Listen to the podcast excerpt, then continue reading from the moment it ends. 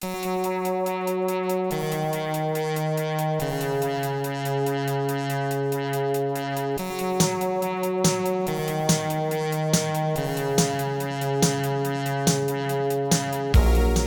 to First Draft with me, Sarah Enni. Today I'm talking to Kristen Kittscher, author of middle grade series The Wig in the Window and its sequel, The Tiara on the Terrace, out now. Kristen used to be a middle school teacher, and it's so unsurprising. She has the understated zen teachers need to survive, and the humility and easy laugh that make kids fall first in trust and then in love. She's so funny, thoughtful, and irresistibly sweet, as evidenced by the fact that her recent launch party for the Tiara on the Terrace was held at a performance arts center in Pasadena, California, and people were spilling out the doors. More people showed up to Kristen's book launch than I think I could get to come to my wedding. I'm trying to say she's a gem, and she's had a hell of a path to get where she is now. So sit back, relax, and picture you're somewhere other than the El Nino, Southern California, for this lovely conversation.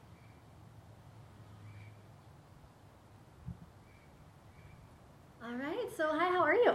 I'm I've been better just because I'm coming off an illness, but, but I'm great. It's great to be here with you today. Oh my gosh, thank you for having me over. And uh, yeah, you're we were both somewhat ill yesterday, but we're braving it. so don't judge our voices. Well, we I'm going to start where we usually start, which is where were you born and raised? I was thinking about this question because as a a long time listener, first time caller, Yeah. um, I was thinking that's a difficult question for me because I was born in Pittsburgh, but I moved when I was three to um, the LA area, and thereafter I pretty much moved almost every two years of my life and lived somewhere else. So my entire upbringing was all over the place, and I Wow. lived in um, Reno, Nevada, San Francisco, Dallas. Most of my, or a good portion of my younger years were in London, England. Wow. I was a British schoolgirl. I had an accent Oh my gosh. and everything. What? Um, and then I lived in college. I spent time in Italy Wow. and in high school in France, and um, so I kind of all over the map. But I feel the most at home in Southern California. All right, let's break this down. I have a lot. We might not get to any other topics. I know today, I have way too many questions about this. Okay, what was going on that you were moving so much? Uh, the circus.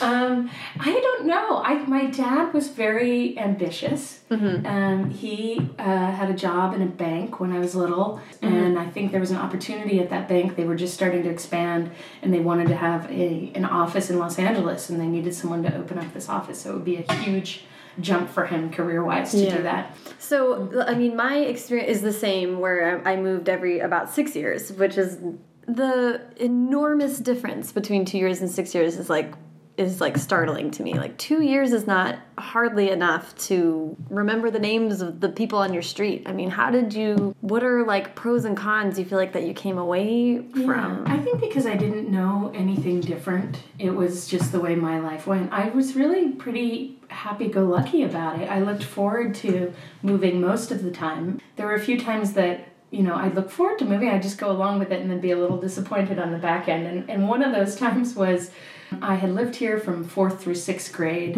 Um, at a school that's very similar to the one in the wig in the window. Um, it's a it's a school that is on the bluffs overlooking the ocean, and um, kids would surf in the mornings. The eighth graders would go down in particular and go down with their boards, and you'd see them come back up before class. Wow. And I was I loved the school. I had so many friends. I was in student council.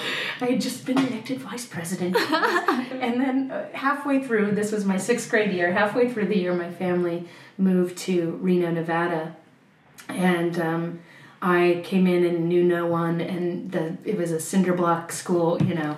In Reno is a lovely place actually, but it's not a beachside bluffs school. Yeah. Um, oh my and goodness. Uh, just having to make friends at that age was hard. But I think I very grateful for the moving. I think it's why I write to a large degree uh, and write for kids specifically because I have really great specific memory as a result. When you've lived only one year when you were 11, you kind of remember everything that happens to you that Yeah. year and you can travel back in time in your mind and kind of meld that with for me, it was experiences as a middle school teacher. So by combining those two perspectives and those memories, I feel like I can access things more easily. And also, I think because I had to um, make friends quickly all the time, I think part of what I would do would be kind of engage in imaginative games. So, for example, The Wig in the Window is about two best friends um, and seventh graders who play a game of spying. Well, I played spy games with my best friend in fourth and sixth, fifth and sixth grade, I'd say, down here. And then when I moved, you know, I had this idea. Hey, boy, why don't we play this game of spying? You know, why don't we? I'd kind of transport the game Oh, um, interesting. as a way of you know having more, I don't know, access or something. Right, right, right. These are s- skills that people usually have to develop much later in life, which is what Yeah. I'm like. I'm very much um, relating to right now. Uh, and at that age, when people are just ruthless, I mean, kids don't need to be friends with the new kid. No, no, they don't. they really there don't. isn't a sense of Uh-huh. charity about that. And usually the people reaching out to the new kid, there's a reason. yeah, yeah, yeah. Fresh blood. Oh my gosh, this person doesn't know I'm an embarrassing mess. Please be friends with me. Yeah. It's so challenging, but those are really good skills to have.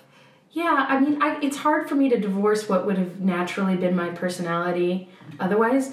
I think I feel very introverted, and nobody else thinks that about me. so I think probably, if left to my own devices, I would I would probably be a lot shyer. I was a lot shyer as a kid, mm-hmm. but I think definitely I had to put myself out there more and chat more with people, or you know, Yeah. it has to have made me more extroverted than I otherwise would be. Yeah. And Sorry. here you are going around interviewing people. Well, so I was- you clearly, and I would always also ask a lot of questions and always Mm-hmm. really be interested about other people. And I think that's part of writing. And I was also always an outsider and Mm-hmm. seeing with fresh eyes. And I think that makes me, you know, it has made me a lifelong outsider in some regards. You know, I can always Mm-hmm.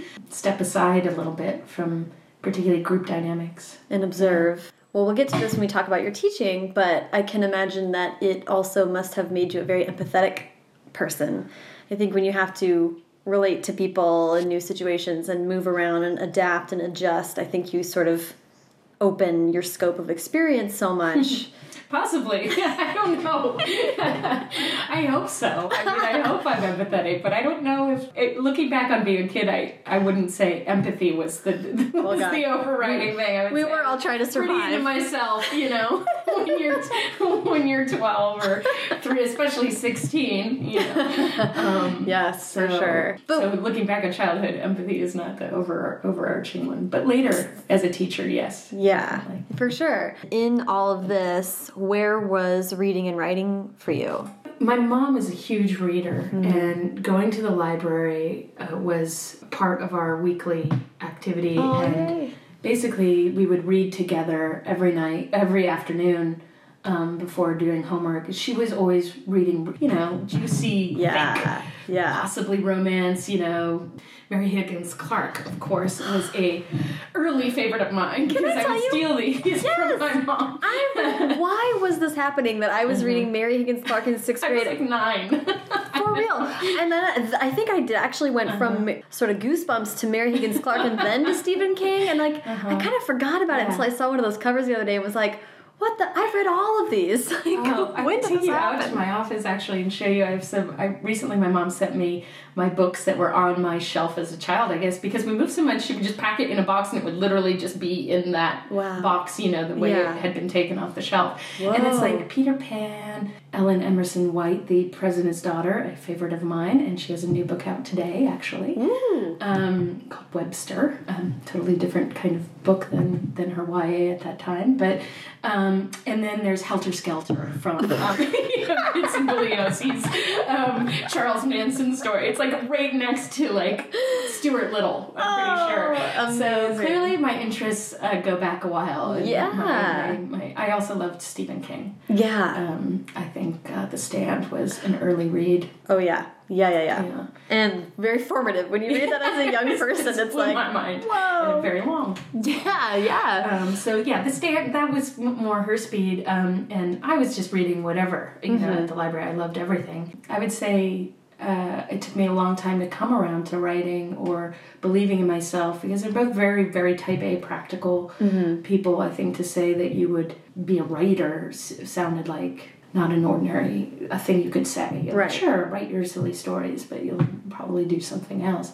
Right. But of course, my mom now says, "Oh, I always knew you'd be a writer." So I don't know. It didn't feel that way necessarily. I wouldn't say I did not have a, a hugely creative upbringing. Okay. It was much more practical. So, so when did writing and the silly stories was that always happening hand in hand with all the reading, or was it? Always, it was always always happening. I remember most vividly when I was six years old. I was in England at school, and this particular school for that one year that I went to was a Catholic school. And Sister Christina, we had a weekly class in creative writing. They would give us a prompt, like pretend you're a bird, and then um, I would write about being a bird. Um, here I am. I guess we read Watership Down, which is awfully dark when you're six. Now that I'm thinking about it, but I here's something Watership Down inspired. Um, something about here. Here I am imagining I'm a leaf. Um, God, wow. I'm admiring my yellow and red costume in the fall or whatever. Oh my So God. I that um, was the first time I remember just really, really loving school um, in particular, and just I had the best time. And so when we moved or changed schools, I would still keep up writing stories. And then when I came back to the U.S., I was nine, and then school wasn't as much fun for me. Yeah. And so I spent a lot of time writing stories, um, Mm-hmm. usually about cats. Cats. and then would pretty much descend into cats speaking French for some reason at some point. What? But I lost it a little bit in in my teen years, I would say, Yeah. um, when Well- school became about writing essays and Yeah. um, And a lot more time consuming. yeah. So I would just be sort of differently encouraged because of the moving. Sometimes it would be like, "Oh, you're a writer," you know Yeah. and sometimes it, it I would kind of fall through the cracks or not not feel like I had you know that that was worthwhile to be doing. Right. And it really is so fascinating to me, kind of just going back to what you said about when you have these sort of separated, really individual experiences for almost every year, that the memories would be like really crystal clear, tying such separate experiences to such separate spaces. That's really fascinating. And the emotional uh, for me, it's locked in that one sort of emotional feeling towards. Right.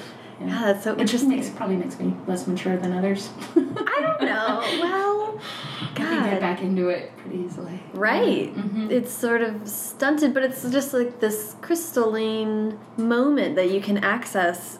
I don't know. Do you I feel that way as well with your movie? um no, because it was so well, I guess I would say the most the best example of that that I can think of is uh, one time we moved to a house that was only for about six months, and then last year I was only about six months at my mom's house. And those, since it's so truncated um, in such a specific different place, I have for sure I can access a lot from those things because it's like. But but six years over a time, I definitely got to see Yeah. progression and Yeah.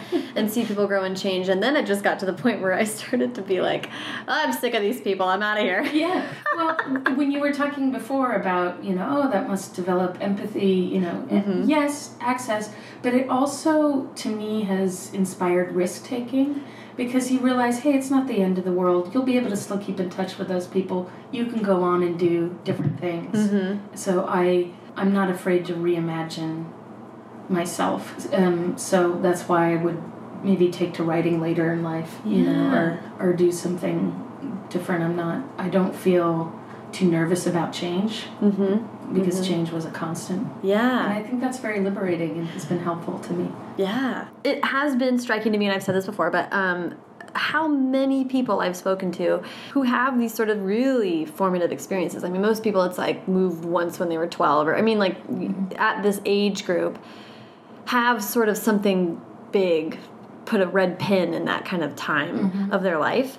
Was there some sort of key moment, a sort of crucible? yeah, yeah, yeah. Mm-hmm. That you keep, that you are writing back to a little bit, do you think? I think in my case, I haven't started writing about that time yet. Maybe. Ooh. So I think the reason I write or began writing, the, the first thing I ever wrote was The Wig in the Window. I just kept rewriting it. Oh. And um, I'd never finished anything apart from like a story for the literary magazine in high school. Mm-hmm. With that, and the reason I was writing for that audience is because I was teaching middle school, and so I was inspired by my students, my seventh graders, to write something for them. Mm-hmm. So I think the the reason that I was going back to that time was uh, empathizing with um, their experiences and, yeah. and sort of tying together what I saw, um, particularly in the social scene, you know, changing friendships and dynamics and making sense of my own middle school time. Yeah. And I haven't given much thought to this, but I, in high school, I was kicked out of school what? Yeah, and that was that was um, surprising. All right. Well, we I want to hear the whole story. What happened? I was my father's daughter, definitely, and was very into school and ambitious. I would say uh, the shorthand would be Lisa Simpson, you know, pretty yeah, much. Yeah. I, because it was really like learning for its own sake that I was interested in, mm-hmm, mm-hmm. and I would try to. And there's definitely elements of this in my in my books too, of like I tried to build my own engine for my bike, you know, or was part of the Olympics of the Mind team and we built like this go kart and things like that. So I was definitely really into school. So this the fact that I would get kicked out of school is very surprising. Right. I was at school in Reno at the time and um, I was worried that that I wasn't going to be challenged at the high school, mm-hmm. and I begged and begged my parents if I could go away to this boarding school that I had heard about. And so at that time, I didn't think about you know when you're that age, you don't think about how much it costs to go to boarding school or right. anything like that. But my parents, right. uh, the great credit, really it's you know did not want this to happen but supported me and wow. um, so that makes it all the more tragic that I would get kicked out of out of this boarding school. Wait, where was this? It school? was in Santa Barbara. It's okay. called the Cate School. Um, I have very fond memories of the school, particularly its writing program and its English program. That was a highlight for me. And in fact, um, they have a, a, lot of people are writers um, from that school. One wow. of my very good friends here in Los Angeles who writes for adults also went to that school. And it was writing that got me kicked out of school, in fact. Uh, writing and not having much of a backbone. It was the fall of my junior year, and um, my friends had sort of shifted um, and become sort of more badasses at mm-hmm. that time. And um, I was like, the good girl mm-hmm. and, and quite into school mm-hmm. still but i they knew i enjoyed writing and they were working on an underground newspaper that would sort of compete with the regular uh, newspaper and they had me write um, you know they're like oh you're funny kristen you're a good writer and you know just write one of your rambling things articles or so i did i did that um, and also they had the or the editor mm-hmm. who's I believe her motto was lie and deny if we were ever going to be approached. I remember it very, very, very vividly. The regular newspaper of gave Christmas gifts or holiday gifts in print mm-hmm. to people that wouldn't go with their personality very much. So if they were a very peaceful person, let's give them a machine gun, really silly, you know, horrible, stupid things. Okay. Right? And she said, uh, it's always such an in joke and nobody gets that. We should just do everybody basically give the whole school or as many people as we can these gifts.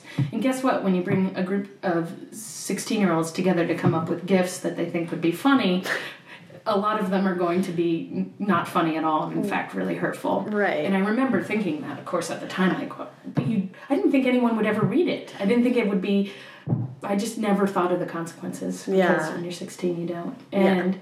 I was eager to be thought of as cool at this point because I'd kind of been losing my friends to to badassery, I guess. Yeah, yeah, yeah, yeah. so I actually happened upon them when they were planning the uh, newspaper and then became part of it.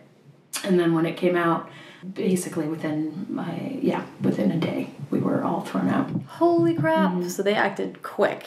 Yeah, I think it was just so hurtful to the community that people at the community would not be happy there. Right, right, Which right. the irony was I was very happy there. So oh following your junior year when you're pretty into school, it was yeah. not great to to get thrown out. Yeah. Um, particularly, you know, when my parents had made considerable sacrifice to, to right. send me to that school. So talking about crucible moments that have I have not written about.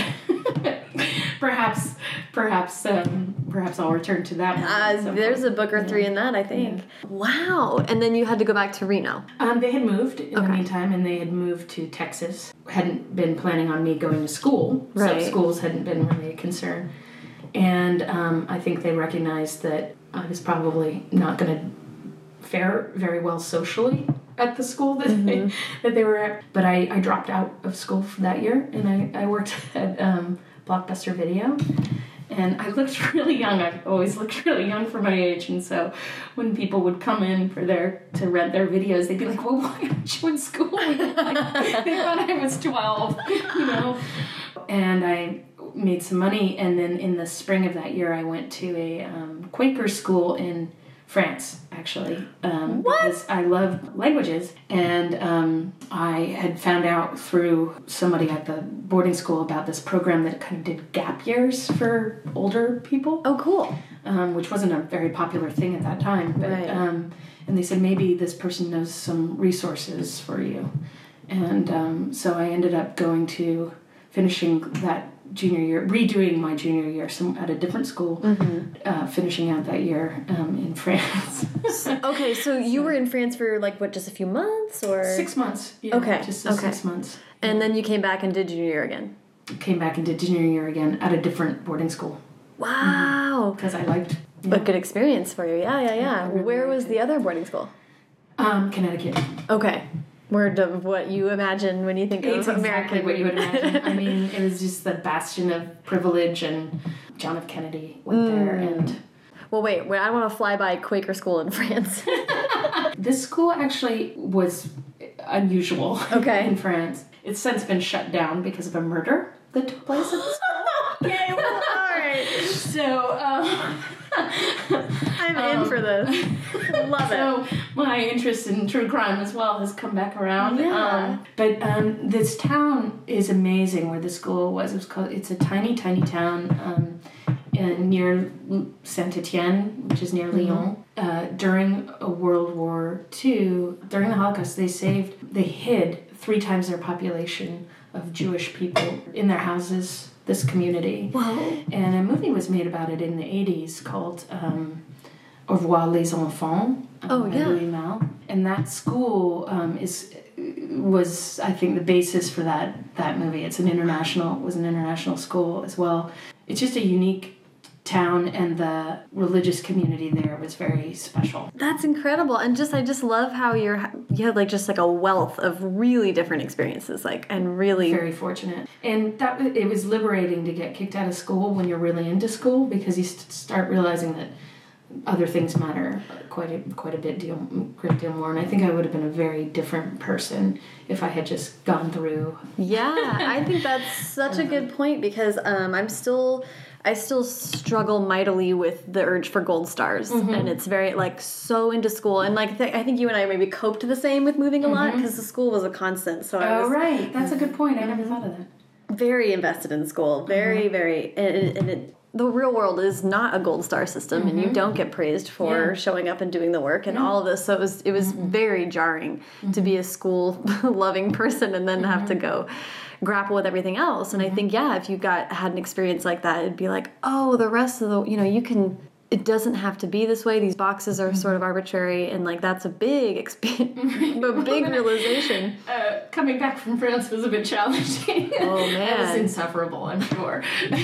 um, but the, I also came back with kind of branded as as a bad kid, you know, a little bit. Oh, yeah. So um, right from the start at this boarding school, you know, the dean of students was sort of looking out for me, and I then did kind of was kind of um, trouble. really? Yeah, because when you're labeled as trouble, might as well be trouble. Chicken or the egg. Yeah, Yeah, yeah, yeah. a little bit. Ooh, Um, interesting. so what kind of trouble? Spy trouble? No, at this point, at this point, I'm 17. I, you know, and a year older than everybody else now. Right. I right. um, no, I had a much older boyfriend who had Mm-hmm. who moved to, into the town where I was at boarding school. oh my god. and I did not tell my parents. Uh, so I mean, gosh, but I'm a good, wholesome middle grade I author, love Sarah. It. I love it. This is so great. Okay. Well, so so you finished up. Did you finish up the rest of school at in Connecticut, and then I did. okay? There was an NPR report the other day about the increasing like criminalization of discipline that's Oh, happening right. at schools. But anyway, I was really It was an over the top reaction that I think they regret. I mean, within a day, like Mm-hmm. wow. I can see them wanting to take swift action, but like That's crazy. Yeah, I think they were injured. Mm-hmm. They were hurt. I'm sh- I'm sure. It wasn't by no means a unified decision, but the, the, the term criminalization is a good one because it felt like that. There was like a trial, basically. wow. And I'll never forget that scene. I mean, it was absurd. The dean of students was like pacing, being like, on the night of, you know, like that kind of stuff. And we were in these wooden chairs in this library. I mean, it's like right out of a movie. God, and your parents aren't there. And I you don't never have. done anything bad either. Like, Wow. ever. Wow. you know that you know I, you had to sign in to dinner every night. I had signed in every night. You know, it was like a Yeah. model prisoner. Right, right, right. I don't feel proud of that. well, right, right. And a lot of people are like, "Oh, that's so cool," and you're like, "Actually, it's really not." I basically was part of a group that hurt people. And that's nothing to be proud of. right. And then got off scot free. The, there should have been consequences for me, right? The Oh. real consequences would be having to sit and go to school with the people that you hurt. You know, Ooh, the yeah. thought that you get to go off to France. That is so interesting. Mm-hmm. The kind of thing that could have been considered if they'd taken more than a day Mm-hmm. in mm-hmm. determining what to do with you guys. Mm-hmm. But then the other thing that made that made me think of is getting a divorce was that experience for me mm-hmm. where it was like, oh, I can be this whole different person and this this this system that's been in place is not permanent nor Yeah. need it be, you know. Right, we can be right. better without this Right, and I can follow things I like even better. Mhm. Because identity is so, you know, locked into these systems. Mm. And, yeah, it helps you figure out what parts what parts feel Yeah. very authentic to yourself. Uh, I wish there was more cultural conversation around the idea of um, embracing failure, basically, Mm-hmm. and like learning from it and and like realizing that you can survive it. Yeah. Well, it's Uh, illuminating because nobody, also nobody really cares. you know, like you think people are paying attention and worrying about this, these things, and you know, really these are your own private journeys that that that you're taking in your head Yeah. to a great degree, and um, we Yes. lock ourselves into all kinds of rules and, and, and worries about what people think when they're not spending the time to think about us as Right. much. I don't mean to imply that people are cold callous. I just mean everyone's too busy. Yes. and it's really the utmost of arrogance to think people are actually paying attention. I love reminding myself that no one gives a shit. right. Nobody cares. Mm-hmm. Nobody cares because they are for all the time I spend thinking about myself. Every individual is thinking about themselves the mm-hmm. same amount, and uh, good. You know, as we should be taking care of ourselves, mm-hmm. which means you can just do what you need to do. It's fine. It Takes a lot of the pressure off. Um, well, I want to talk about languages, but first let's let's pick back up the thread of writing. Um, because you said you lost it a little bit teen years. Then when was it coming back? Well, I think um, part of losing it was when you get kicked out of school for writing. Ah, yeah. you become very scared about the consequences. I think Right. I, that school was a very nurturing um, school writing wise. At my other school, the focus was uh, really on essays and five paragraphs. Um, College preparation was the thought. And I had um, a really intensive course um, of study at that point.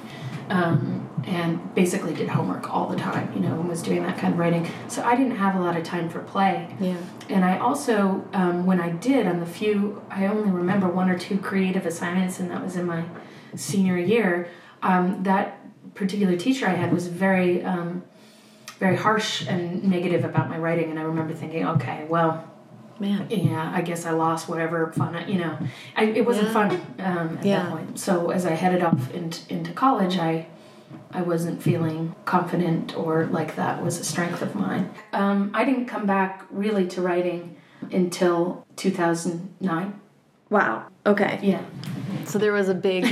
so well, well, what- what I really want to bridge is focusing on languages, and then because I know you worked as an editor editing stories in Hollywood, so I kind of want to just see where how that happened. How did that? Where were you bridging the gap on that? So uh, when I was in college, I was in, I spent a year in Italy studying film. Actually, um, that was my major was they called it semiotics, but I think now or sounds vaguely became- threatening. Yeah, I know. Um, it's the study of signs.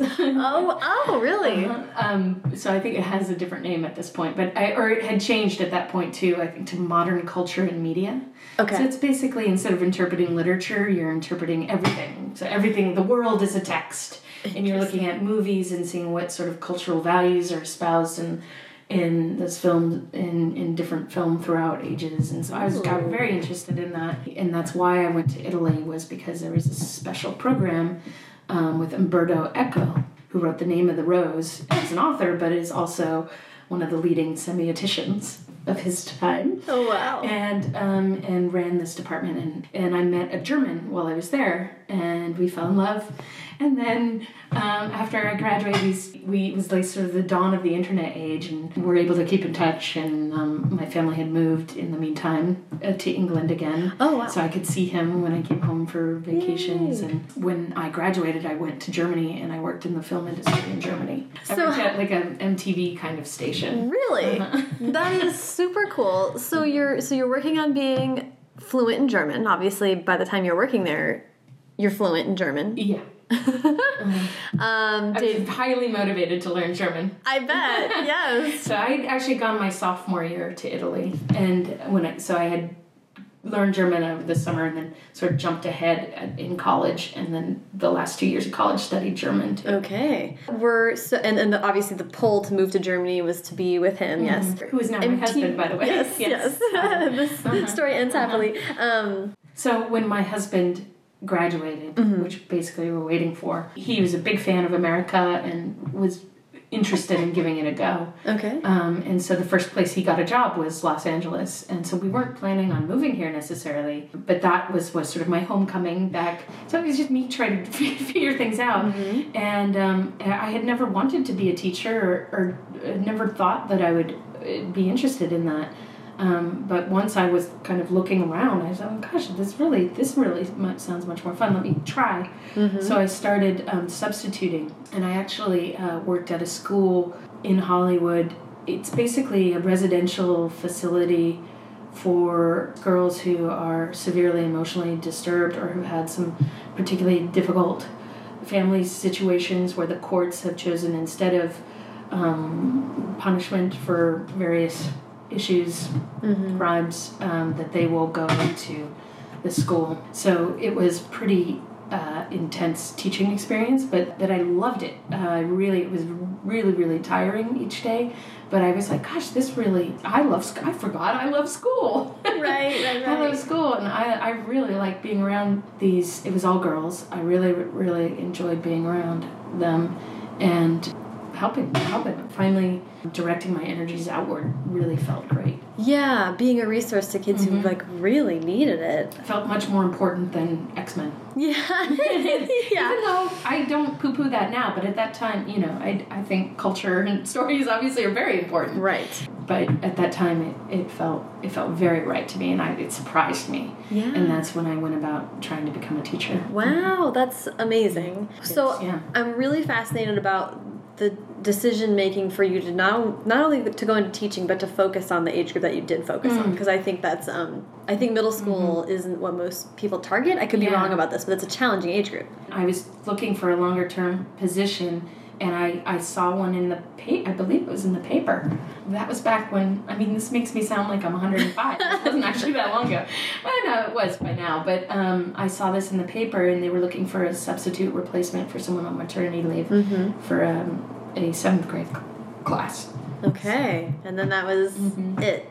Was that a particularly good class that you got? I mean, what was it about that age group that you're like, this is The creativity and openness and sense of play, Yeah. enthusiasm. Uh, I taught history, and I had an amazing um, plan to follow along.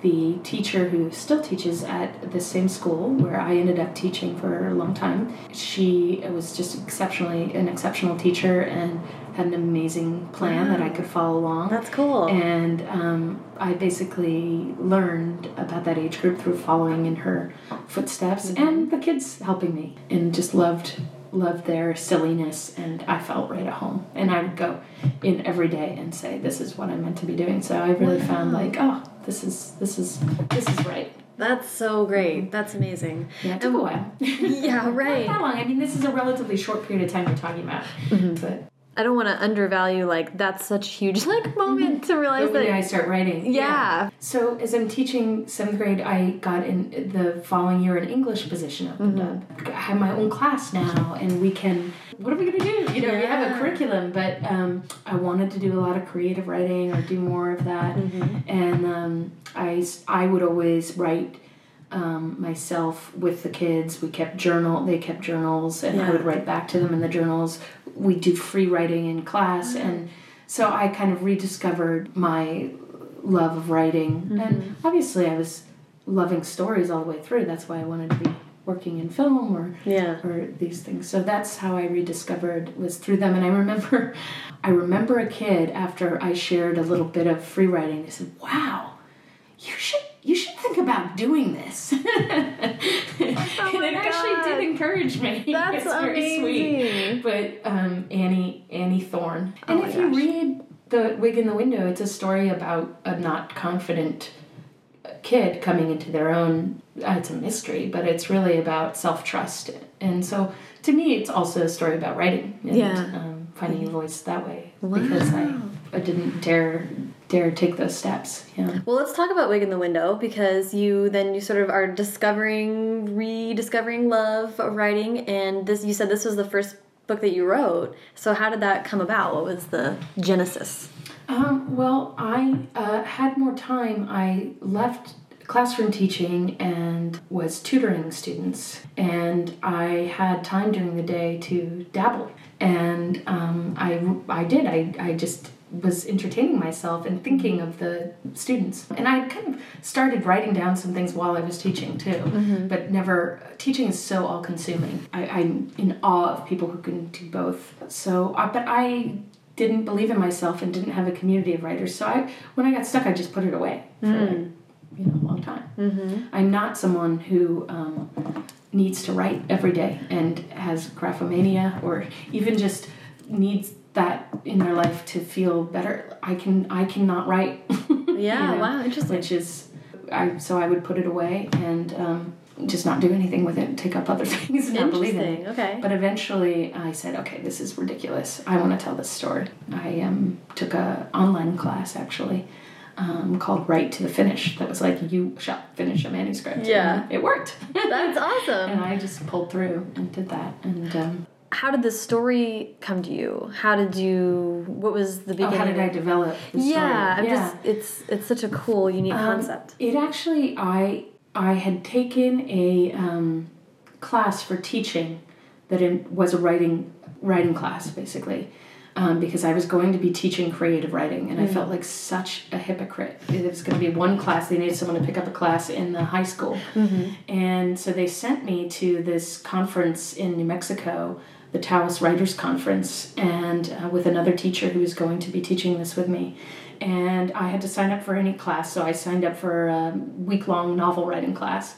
And I ran into the teacher of the class at the like opening reception. I said, I thought I could just like sit in the class and listen. And he's like, Oh, well, what's your novel? And I said, Well, I don't have one. He's like, Well, you better have one by tomorrow. I was like, Oh my gosh.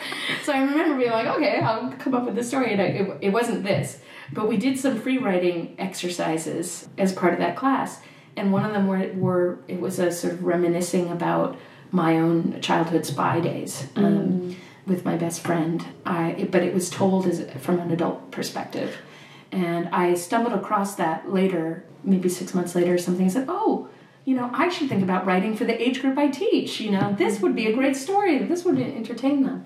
So the the birth of it was thinking, "Oh, let me take these things from my life and write something that would entertain my students now."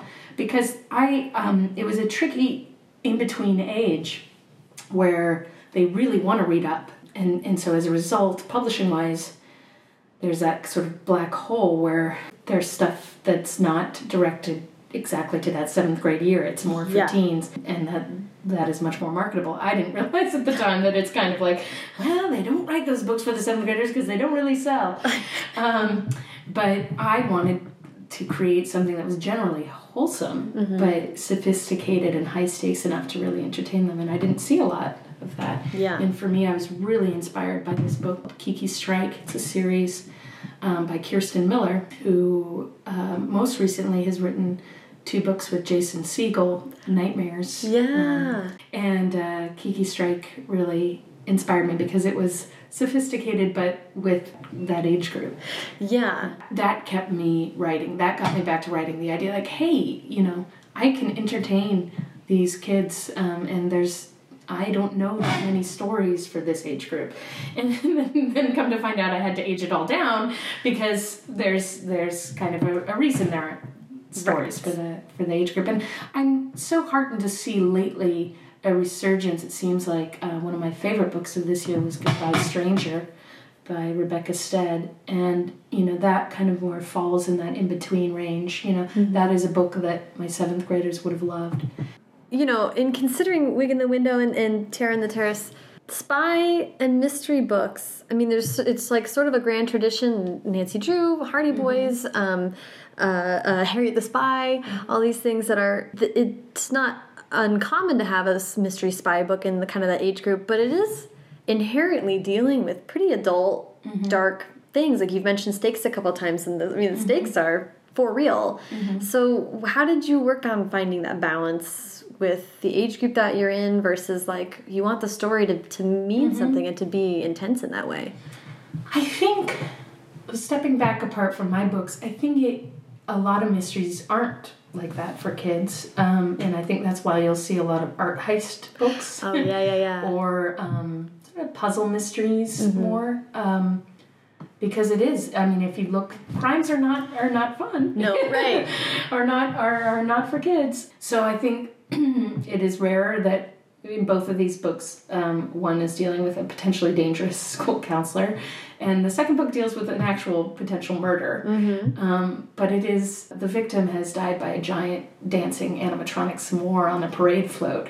So you sort of try to step back, and it's more about the absurdity of the situation. Right, know? right. And maybe it's not murder at all. Right. right? we don't right. know. Maybe the kids are letting their imaginations run away with them, mm. which is mm. also the case with the wig in the window. I chose to uh, have kind of real adult characters and stakes, but I think you can just as equally have a very have high stakes that are emotional stake, you know, that that are very important to kids. You know, sometimes losing the school trophy, you know, is very important if that's right. gone missing and that's, you know, it's all about how you write about it. So the fact that I write these other things, I think to me it's it's fun to empower kids that way mm-hmm. to to say hey maybe you know something the adults don't i mean kids against adults is very compelling totally and empowering and you know you mentioned the humor I think that's how I like to use humor too. It's subversive. You know, we get to turn the tables a little on these silly adults. And kids, especially right now, you know, they don't have a lot of chance for independence and empowerment, especially if they have very tight schedules or parents. Um, you know, I was allowed to roam free in my neighborhood, which mm-hmm. I think it's fun to have provide those adventures on the page mm-hmm. and empowering to think, hey, maybe you know something everybody doesn't. And hopefully it's not scary to think the adults don't have it all together. Right. Um, and I try to try to navigate that probably more successfully, ironically, in the Tiara on the Terrace than the Wig in the Window. I wrote that book after already having been out and being on school visits and seeing who was reading the books. Mm. So I wrote The Wig in the Window with my seventh graders more in mind. I, I wrote The Tiara on the Terrace, even though it's a murder mystery, more with the fourth graders and fifth graders in mind. Interesting. Wow. Mm. Yeah, yeah, yeah. Well, and that was actually another question that I had, and you've touched on it a little bit, was this age group and the truth. When you boil down a middle grade to its core, it that's pretty much it. Because this is the first time in a life where you realize, yeah, the adults don't actually know everything, and um, uh -huh. and I could encounter something that no one has an answer for me, mm -hmm. um, which and is a scary thought, and scary. also an empowering thought. Mm -hmm. Yeah, yeah. So it's and hypocrisy you know, homing in on that. Wait, you said, you know, that yeah. they're so good. yeah, and it's like delightful. To uh-huh. I remember being that age, that age, and being like, uh-huh. yeah, well, you said this, but that was wrong. I just gave away a, an arc of the Tiara on the Terrace at this book fair I was just at uh, as part of a raffle, and I, I said something like, and it's filled with mistakes, and you can feel superior to me because this is one of their favorite thing to do is to find mistakes. Absolutely. um, it's funny because that does seem to lend like the mystery. Mm -hmm seems to be lent so well to that of giving a kid like well and then the kid finds the answer mm -hmm. and and the, and the kid saves the day because they were able to see things that the adults weren't mm -hmm. um, and move through life in a way that the adults aren't can mm -hmm. more secretively more ooh wait wait Explain well that. you know kids are innocent allegedly, right? Mm -hmm. So, mm-hmm. well, I hope but, you know they they can slip by much more unnoticed. You know, mm -hmm. the mm-hmm. criminal can be caught potentially more easily mm -hmm. when you've got tiny Sophie Young in the wig in the window is four foot six, I think, with her freckles and blue eyes. You know, mm-hmm. I remember as a kid definitely being able to get away with things because I was cute and young. the Tiara on the Terrace is all set around. Uh, is loosely inspired by the Rose Parade and it's all um, set around Luna Vista's going to have this town parade. And we're going to make up for all the things that maybe have happened in the wig in the window right. in the past. It's going to be the best parade ever, and it's tradition. The same way Pasadena transforms every year. It's part of our. I mean, it's we are so proud of this parade. Mm-hmm. I'm setting really the the book is a lot about. It's kind of a Miss Congeniality set in middle school. Deals a lot with friendship and sort of femininity like mm-hmm. how are these girls that maybe don't fit in this world or some of them fit and some of them don't mm-hmm. young and yang and trista bottoms who is proudly heavy set and very very comfortable with herself um, going into this sort of beauty pageant world so when i think about the book even though it's a mystery I'm thinking a lot about these social dynamics and the friendship and the femininity and the quote unquote murder of mm-hmm. mystery angle of this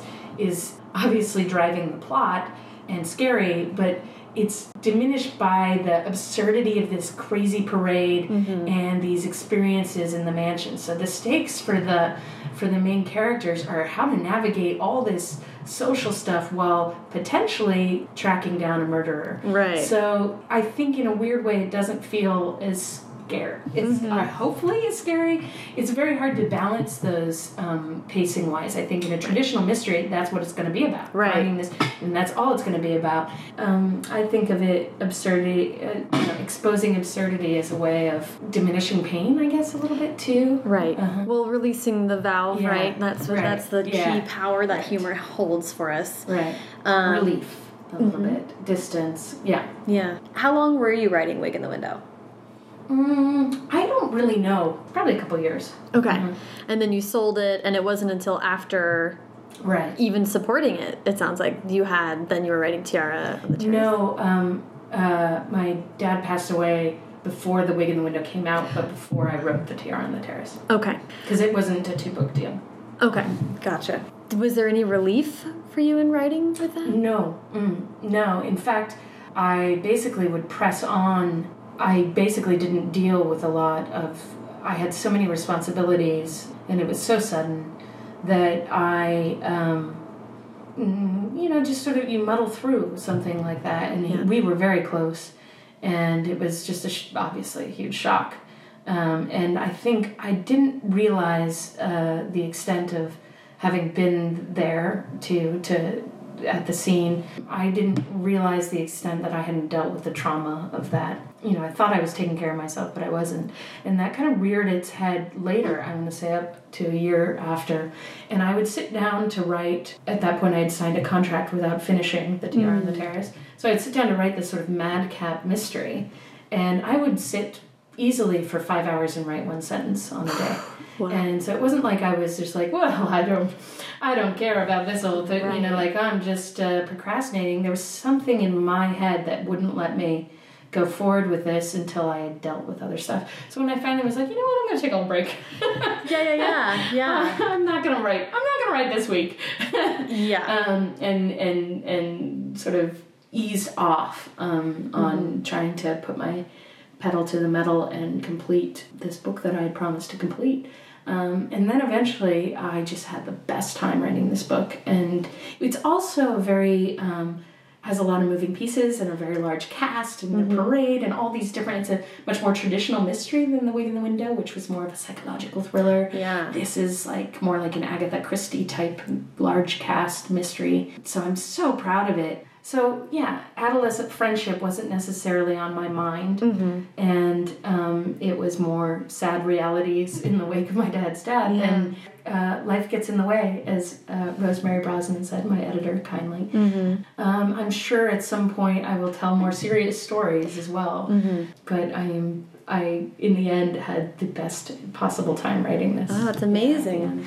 Uh, Did you did was it interesting for you to take these same characters and then sort of take this next step with them? Yeah, I loved it. Um, at the end of The Wig in the Window, there's a moment where Grace Yang, who is uh, homeschooled and doesn't go to school with Sophie Young, where she's actually at the school, um, and you can see her nervousness at that moment, and um, Sophie realizing like, oh, she's nervous because she thinks of Grace Yang is so cool, and so I really wanted to put um, them in the same social environment together, and it's still very firmly middle grade, middle grade type relationships. I think uh, it's a lot about loyalty and betrayal. You know, it's very easy as a middle Mm-hmm. schooler to quickly sell out your friend and not realize it, and, and Mm-hmm. Or to do it on purpose. or to do it on purpose. Mm-hmm. Yeah, I think. Um, yeah, they did not do it on purpose. Maybe that's more YA.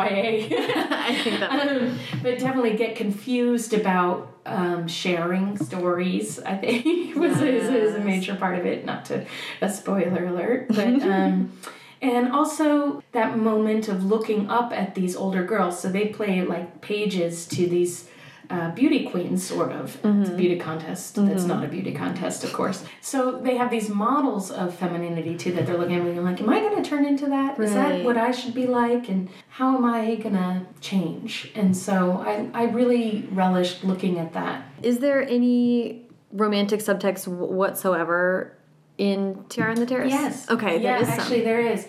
And um, it's very minor in The Wig in the Window, but she has a love interest named uh, Rod, and he sends her secret code messages, and um, they kind of have a budding romance that in the Tiara and the Terrace uh, is a focal point. Um, his father is very involved in this town festival, and he is very involved, and his father, in fact, might be in grave danger, and so the you know Sophie is highly motivated to potentially uh, solve this mystery. Again, no spoilers, but definitely it's more of a group effort uh, with Rod uh, at the end. And there is, uh, there might be a hand holding. I'm trying to remember. Yeah, yeah, it's been a while, but there was a very romantic nighttime golf cart ride. Where they're hanging on the back of a golf cart under the stars. Um, so there so is a bit of romance, yeah. Yeah, and I'm asking because I, uh, in talking to YA and middle grade people, it has been striking and very interesting to me that, um, like Claire Legrand or some people will be like, "Oh, I was so happy to not have to write a like a love story," you know. To Oh, right. Some she- people She, does both. Yeah. yeah, uh-huh. some people feel like it's so freeing to not have to have that sort of stricture, and then there's so many YA people, myself included, are like, "What if there's no kissing? Why am I into it?" Why write at all? I, am like, "What am I doing?" Well, it's so funny. I'll never forget the school visit last year where I did a presentation in this boy comes up. He must be he must have been 11. And he go he asked if there was a love story in the wig in the window. He's like, "Well, is there romance?" And I was like, "Ah," I was like a little bit, a little bit, you know. Sort of like, "Oh my gosh, no, there there is." It was so interesting to me that he wanted romance. And he was like And I was like, it. oh, then there's been a shift here. You know, I certainly had crushes in middle school in different ways. So, Oh my God. But um, for me to juggle that in addition to everything I was juggling, I think in this story, it's a romantic comedy with with the girls as the as the couple. writing mysteries and sort of spy books, there's so much formula involved in that. Would you want to continue writing in sort of genre, or do you see like a sprawling contempt with no rules? Like, what would you? Yeah, you know the the irony is I when I wrote and finished a draft of what became The Wig in the Window, I didn't realize it was a mystery. really? So, and I actually didn't realize how much I liked mysteries. I kind of read all over the map. I loved mysteries, but I, it wasn't. Uh, I didn't see that as a major interest of mine. Uh, you know, until I looked closer. Yeah. So I, I thought I was telling a friendship story that just happened to have a mystery in it, and then I had to go back and really focus on learning how to write a mystery.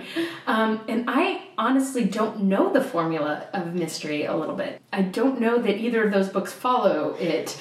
Right, I'm right. still learning um, very much. So uh, maybe that's why they are quite complex.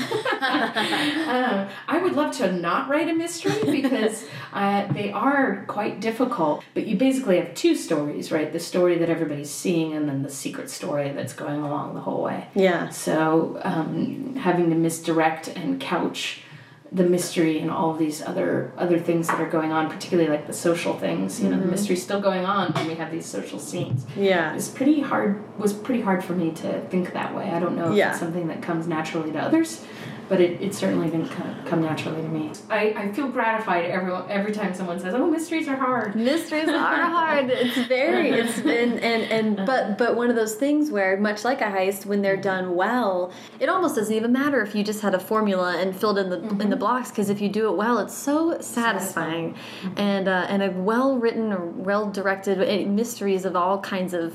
Yeah. Uh, iterations are just super Yeah. fun. And I love writing that, particularly for this age group, like figuring out puzzles and Mm, yeah. you know that's just very empowering too. Yeah, let's do writing advice. Um, Yeah. Because oh, what you're saying about not needing to to write every day. Yeah, it's taking me. I'm still figuring things out. Definitely, people ask, "Oh, what's your process?" And I think I'm too new at this, even though I wrote the same book over and over again. um, um, I'm still too new to figure out process. But I think what I've figured out so far is that I am very hard on myself and I don't need additional things to be harder on myself. So I know that word counts work a lot for people to motivate. That that um, type of motivation is not helpful to me. Yeah. What does help is word counts like try to just get this many, you know, is, right, is right, better. Um, because I can write lots of words, but the usable ones are, are going to be far few between, you Mm-hmm. know. So I think what works best for me is really um, being incredibly compassionate with my writer self. And I even, I mean, it sounds pretty hokey, but I even picture that self. Um, Really? And imagine what my writer self looks like, where she is right now, Ooh. And kind of like commune with her a little bit.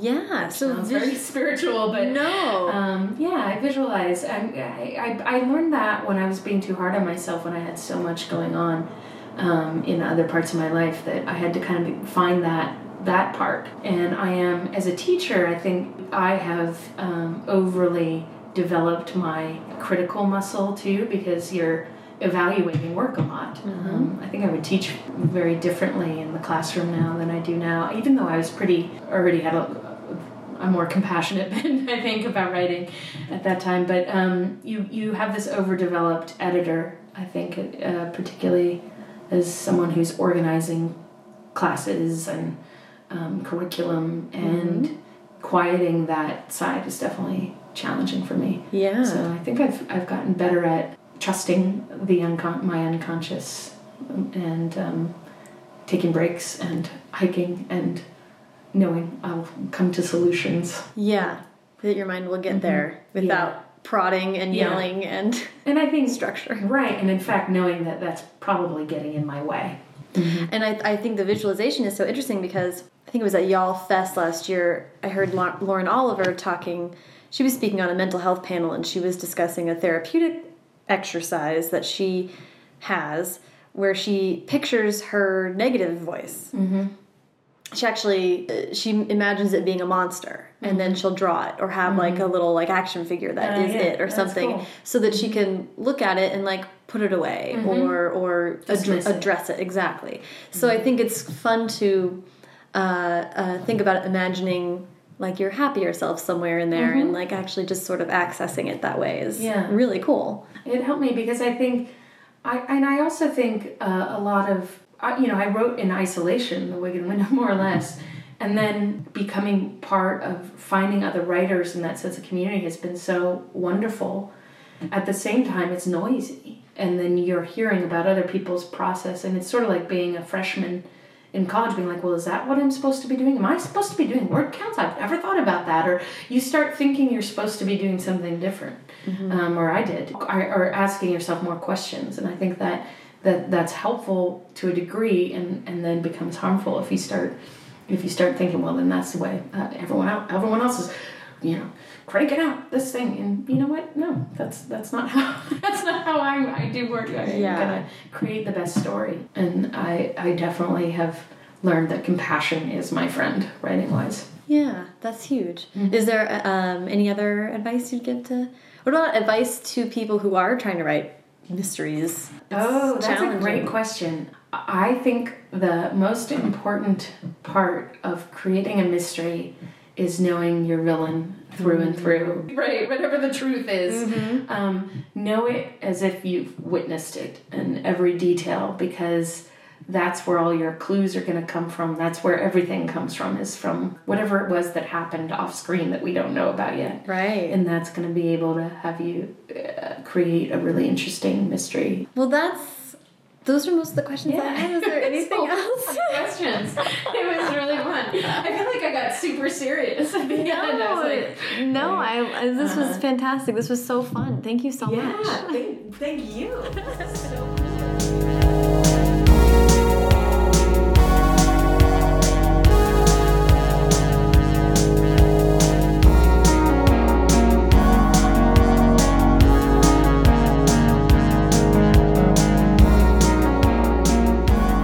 so much to Kristen.